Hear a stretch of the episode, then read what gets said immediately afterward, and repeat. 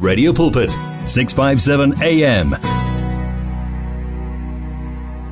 Ngaphambi kokuthi ke sithole imotivation ngicela ukundlula ngalomyalezo ophuma lapha ku Pastor Johannes eh engale emalahleni. Uthi ha okay apostle mm -mm. uthi how are you uh, sisbahle uthi what hurts me the most is favoritism in churches. We as believers have 10 the house of God into a house that is full of pretenders who pretend to love and who pretend to be kind to other people.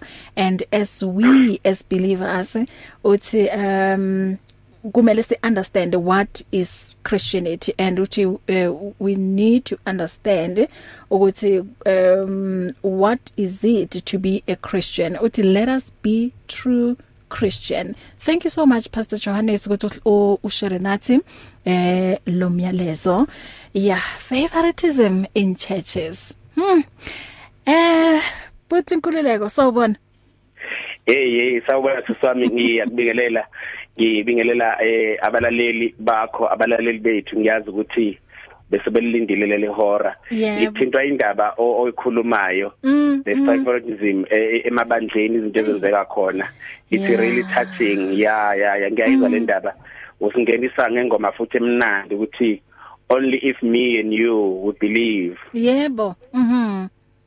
our Africa uNkulunkulu angasehlela nakulesikhathi esimi kangaka la sibona abantu besifazane bebulawa. Yebo. la sibona khona corruption ingaka emhlabeni. Mm. La mm. sibona khona abantwana bakaNkulunkulu becindezelwa kodwa if me and you we believe Amen. our Africa can be saved Amen. Amen. Uma nje singakholwa kuJehova. Mm mm mm. Uyazi futhi enye bahle into engiyibheka kakhulu. You know ukuthi thina South Africa we are still blessed. Um uh, for the past 2 years I was in Nigeria. There are places la khona abantwana bakaNkuluNkulu abasacindezelwa besa persecute. Khona abantwana bakaNkuluNkulu who doesn't even have this chance chances of preacher Mm. izwi kaNkuluNkulu as mina nawe. We have this opportunity ukuthi sikhulume Yebo. ngezi sijule ezwini khona abantu njengamanje abasedingisweni abaku exile abafihliwe ababulawayo in other countries ngenxa yezwi kaNkuluNkulu. So we are privileged. So so thina kufanele ngempela simkhonze uNkulunkulu. Iqiniso. njengoba nje pastor beqeda ukukhuluma njengamanje ukuthi bekudinga thina in our churches abantu when they are broken outside bengatholi rejection amongst us in churches kithina enkonzweni bethole uthando.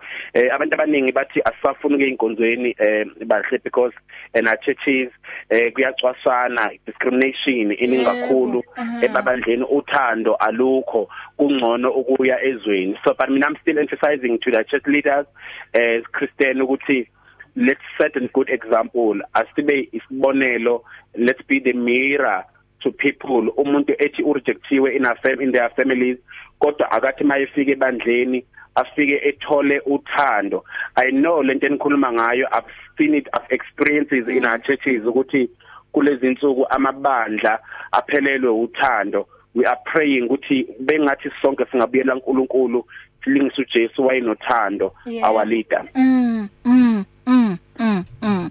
Sure, namhlanje imotivation usiphathele yona. last week sikhulume ngesihloko eh engizobakhumbuza kona abalaleli ukuthi ngeviki ephelile we said to our listeners ukuthi don't allow circumstances or ama situation ohlangabezana nawo endleleni nango 2020 to bury you while you still alive ungavumi noma ngabe iziphi izimo mlaleli olalele eMpumalanga olalele eKZN olalele ePretoria olalele noma ayikuphi la olalele khona loluhlelo ukuthi any situation obhekene nazo right now that you are facing zikungcwabe uphile noma zikuyise emathuneni while still alive but today ngifuna ukukhuluma nje ngesihloko esithi the power of the spoken words amazwi olimi.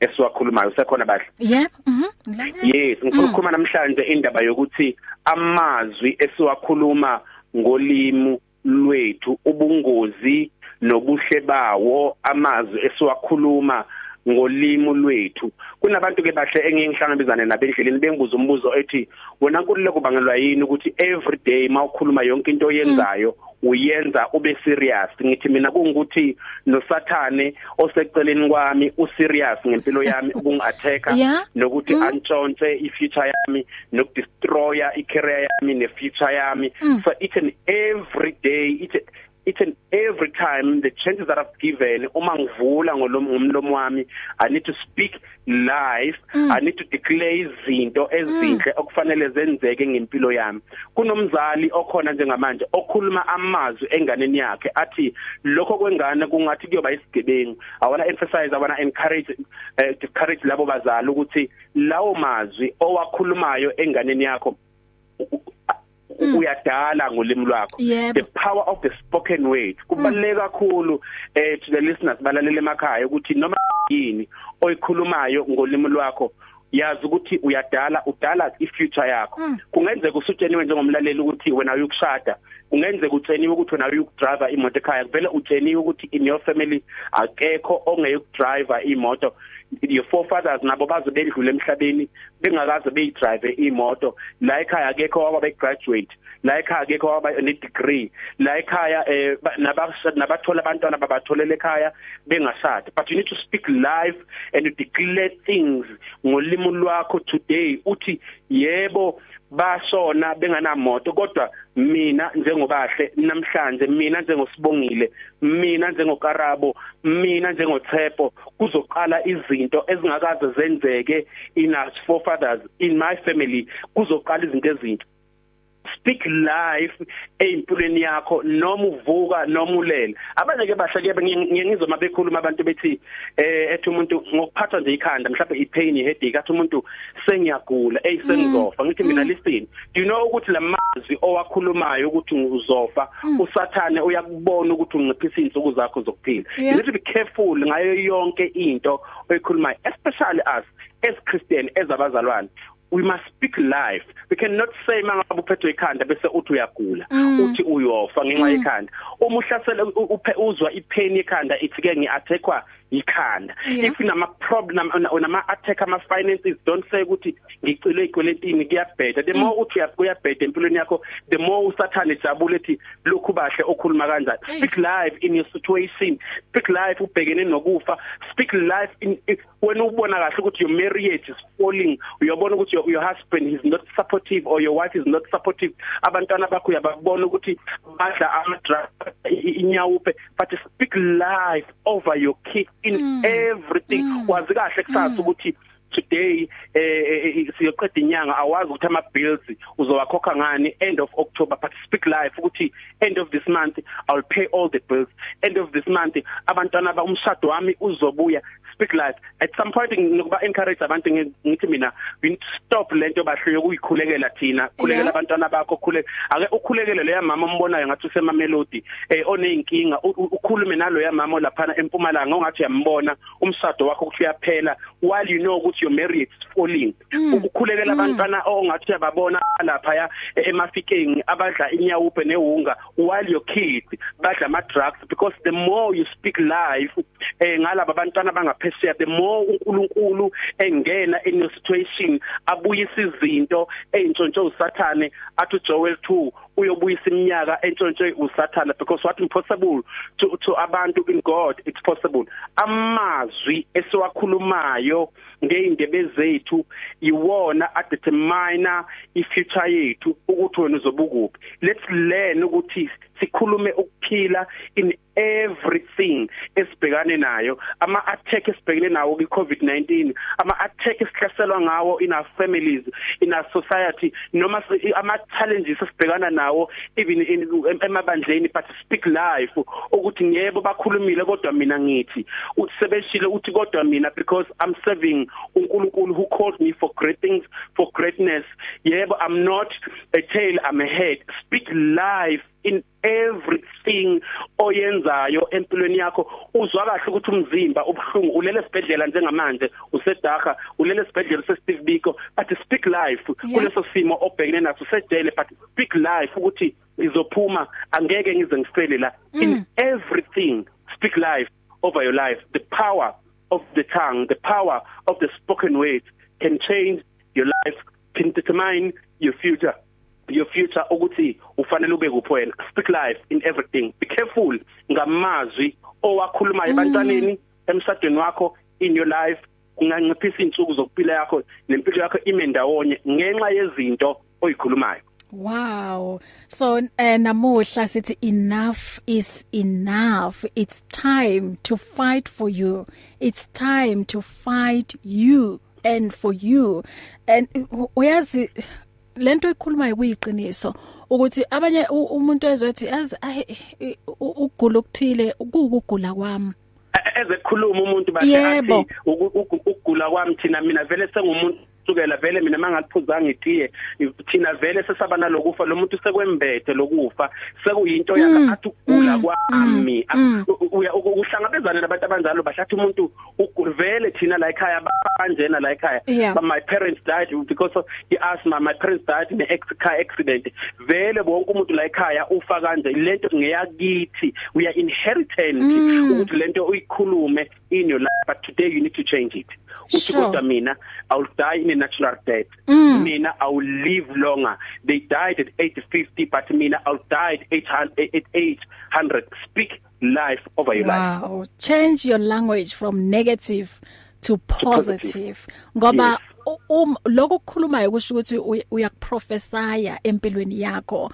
Yazi ngihlezi ngiyikhuluma lento yazi good inkululeko so thank you so much ukuthi uphinde uyigcizelele nanamuhla ukuthi asikhulumeni ukuphila phezulu kwezimpilo zethu asikhulumeni ukuphila mm. eh kuma families mm. wethu asikhulumeni ukuphila einganini zethu thank mm. you siyabonga em konje sikuthola kuphi Ngiyabonga kakhulu balaleli ke bayaqhubeka abalaleli bethu ngiyabonga kakhulu abaqhubeke nje abasafuna ukukhuluma nami eh ngicela ukubapha nje inamba ithi 082 788 0801 eh ngiphinde futhi elandelayo ithi 079 791 3300 kanti ku Facebook uthi nje inkululeko khanyi. Kanti kune page eh elikhona lapha ku Facebook elithi ungazibulali awareness campaign. Kanti ke nabantu nje bangayizwa kahle inamba bangathi nje inkululeko khanyi.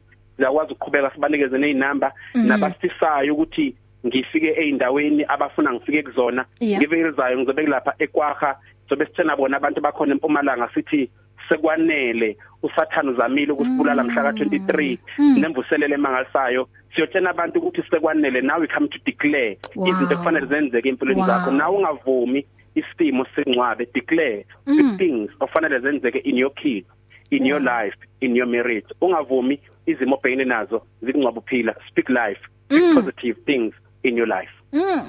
Kuna WhatsApp message lana uthi amen to i, i motivation and eh uh, umangethe. Besinayi last week yamkhumbula the author. Yes, siyabonga umangethe silandela kakhulu enkundleni zokuxhumana. Siyabonga mfoka mangethe. Ngiyabona nami lapha ku Facebook. Siyabonga nakubalaleli nje abasilalelayo. Bahle ama say this eh umsebenzi wakho mkhulu eh ama inbox ama messages engiwabonayo abantu ukuthi we are a doctor mm. eh, we are healing people eh ngalesi sikhathi kunabantu nje ababiza imindeni yabo bethi ubahle uyasiphilisa. Mm. lona visa fanele ugidime ngalo bahle kunemphefumulo that you save them through this show so don't take it for granted. Nabalaleli sizosho njalo ukuthi sijula ngezwi sizonivusa ukuthi noma dusubona kahle ukuthi sengizongcwatshwa sekuphelile ngawe izinto zakho isengabuya nakuleso simo obhekene naso. Only if you speak life only if you change your mindset mm. I'm called for great things. I'm called for greatness. I'm not going to allow the situation to kill me. But mina ngizokhuluma isimo ngikwiparko ngizokhuluma isimo mm. ngisetaxi ngizokhuluma isimo ngisesibhedlela ngizokhuluma isimo ngisejela ukuthi angizofela la. Ngizophuma because I'm serving the almighty God. Mm. Ubangani the author uthi with our words of faith we should be yes. the architect of a world we want to live in. Kuyiqiniso lelo uthi thank you Mr Nkululeko Khanyi. Um omunye uthi hello sisindi mamele i amazwi a encourageayo uvuyo lethu bulana ongaleke eh, orchards and then enye i WhatsApp message uthi kuyiqiniso sisibahle eh uthi uh, your show it heals us. Yo put inkululeko thank you so much. uNkulunkulu akubusise. Uqhubeke nje eh nangalomsebenzi omuhle wenzayo lapho ke niletha um ihealing kubantu and nalapho ke niletha ihope kubantu ukuthi ukuyibulala akusiyona ioption. Noma ngabe isimo sibheda kangakanani kodwa mm. uma uNkulunkulu ethi asikakafiki isikhathi sakho wena unalo ilungelo ukuthi uqede ngempilo yakho so thank you so much ngale khala siyaphambili bahle noma sishaya izimo kodwa sikhala siyaphambili sikasiye Mhm. emuva Yebo. balaleki nje asikhaleni sephambili azithi mazishaya sivuke siyibutha uthi kodwa kule viki kuzokwenzekaleli so sithosa njalo zokubalalela ukuthi ungavuma intambo ikise emathuneni ungavuma isibhamu sikise emathuneni ungavumi alpirim ukuthi ikise emathuneni early. Wena you are called for greater things. ungavumi isibhamu sokuthusa igebengu intambo yokudonsa inkomo ialpirim yokubulala amagundwane. So awulona igundwane wena. Noma ngabe iziphi izimo ohlangabezana nazo baleka. Kodwa wazi ukuthi uNkulunkulu ukubhekile. Thank you so much. Ngiyabonga kuwena bahle balaleli same time next week. Bless you. emangalisayo imotivation na next week. Bless you bless you baba. Asithi hallelujah. Our family is just getting bigger and bigger. Welcome to 657 AM.